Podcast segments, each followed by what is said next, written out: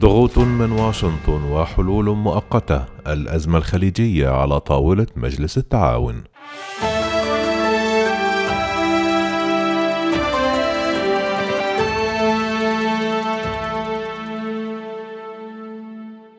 يتوقع أن تهيمن أزمة الخليج التي تسببت بشرخ في العلاقات بين قطر وأربع دول عربية.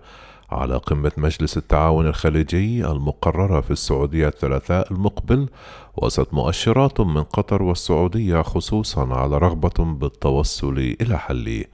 قطعت السعودية والإمارات ومصر والبحرين علاقاتها مع قطر في يونيو من عام 2017 واتهمتها بدعم مجموعات إسلامية متطرفة وهو أمر تنفيه الدوحة. وأخذت عليه تقربها من إيران. واتخذت الدول الأربعة إجراءات مقاطعة قطر بينما إغلاق بينها إغلاق مجالها الجوي أمام الطائرات القطرية ومنع التعاملات التجارية مع الإمارة ووقف دخول القطريين أراضيها ما تسبب بفصل عائلات من جنسيات مختلطة عن بعضهم. وبعد قطع العلاقات أصدرت الدول الأربعة قائمة تضم ثلاثة عشر مطلبا من قطر. تشمل إغلاق شبكة الجزيرة الإعلامية وخفض مستويات علاقات قطر مع تركيا لكن الدوحة لم تذعن علنا لأي من المطالب. يأتي اجتماع القمة الخليجية الثلاثاء بينما كثفت واشنطن ضغوطها على الدول المتخاصمة لحل الأزمة مشددة على أن وحدة الخليج ضرورية لعزل إيران مع اقتراب ولاية الرئيس دونالد ترامب من نهايتها.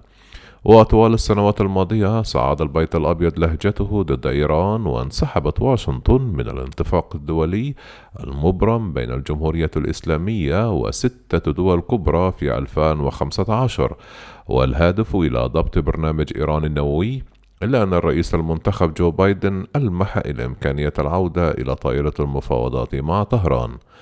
قال مستشار الأمن القومي الأمريكي روبرت أوبراين في نوفمبر الماضي إن السماح للطائرات القطرية بالتحليق في أجواء سعودية مجددا من أولويات إدارة ترامب.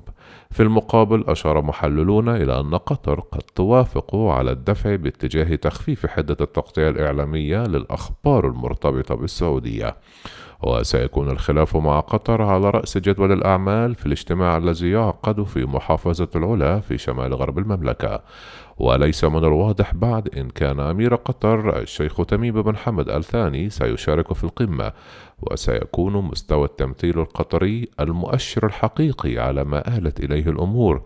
إذ أن حضور الأمير سيكون بمثابة دليل على حدوث تقارب فعلي. وزار الأمين العام لمجلس التعاون الخليجي نايف فلاح الحجرة الدوحة الأربعاء لإجراء محادثات مع وزير الخارجية القطري الشيخ محمد بن عبد الرحمن آل ثاني وتسليمه الدعوة إلى أمير البلاد لحضور القمة علما بأن قطر كانت آخر من تسلم الدعوة السعودية بين دول مجلس التعاون بعد الإمارات والكويت وسلطنة عمان والبحرين. وفيما تقول مصادر خليجية أن الاجتماع قد يثمر عن اتفاق على إطلاق حوار واتخاذ خطوات بناءة. مثل فتح المجال الجوي يبدو أن الاتفاق الشامل لإعادة العلاقات إلى طبيعتها ليس جاهزا بعد. ويقول الأستاذ المساعد في جامعة كينجز كولدج في لندن سيعلنون عن الاتفاق المؤقت مع الأمير على الأرجح بحضوره ويشير إلى أن البحرين لا تزال تسعى لإيجاد حلول لمسائل عالقة مع قطر قبل الاتفاق النهائي ومن بينها مسألة الصيد والحدود البحرية. إلى جانب ذلك يحذر خبراء من أن الإمارات قد تكون اللاعب الحاسم في أي مصالحة إقليمية بعدما وجهت انتقادات لاذعة لقطر ولقياداتها منذ بدء الخلاف. كتب وزير الدولة الإماراتي للشؤون الخارجية أنور قرقاش على تويتر هذا الشهر الأجواء السياسية والاجتماعية في الخليج العربي تتطلع إلى إنهاء أزمة قطر وتبحث عن الوسيلة الأمثل. لضمان التزام الدوحة بأي اتفاق يحمل في ثناياه الخير للمنطقة واستدرك أما المنصات الإعلامية القطرية فتبدو مصممة على تقويض أي اتفاق ظاهرة غريبة وصعبة التفسير. قال وزير الخارجية السعودي الأمير فيصل بن فرحان لوكالة فرانس بريس أن حلفاء بلاده على الخط نفسه فيما يتعلق بحل الأزمة الخليجية متوقعا التوصل قريبا إلى اتفاق بشأنها. ومنذ ذلك الحين قدمت مصر والإمارات دعمهم العلني للمفاوضات رغم أن مصادر دبلوماسية تقول أن الإمارات مترددة في تقديم تنازلات. تأتي بوادر الحلحلة في وقت تستعد دول الخليج للتعامل مع إدارة أمريكية جديدة بعد علاقات ممتازة بينها وبين إدارة الرئيس المنتهي ولايته دونالد ترامب.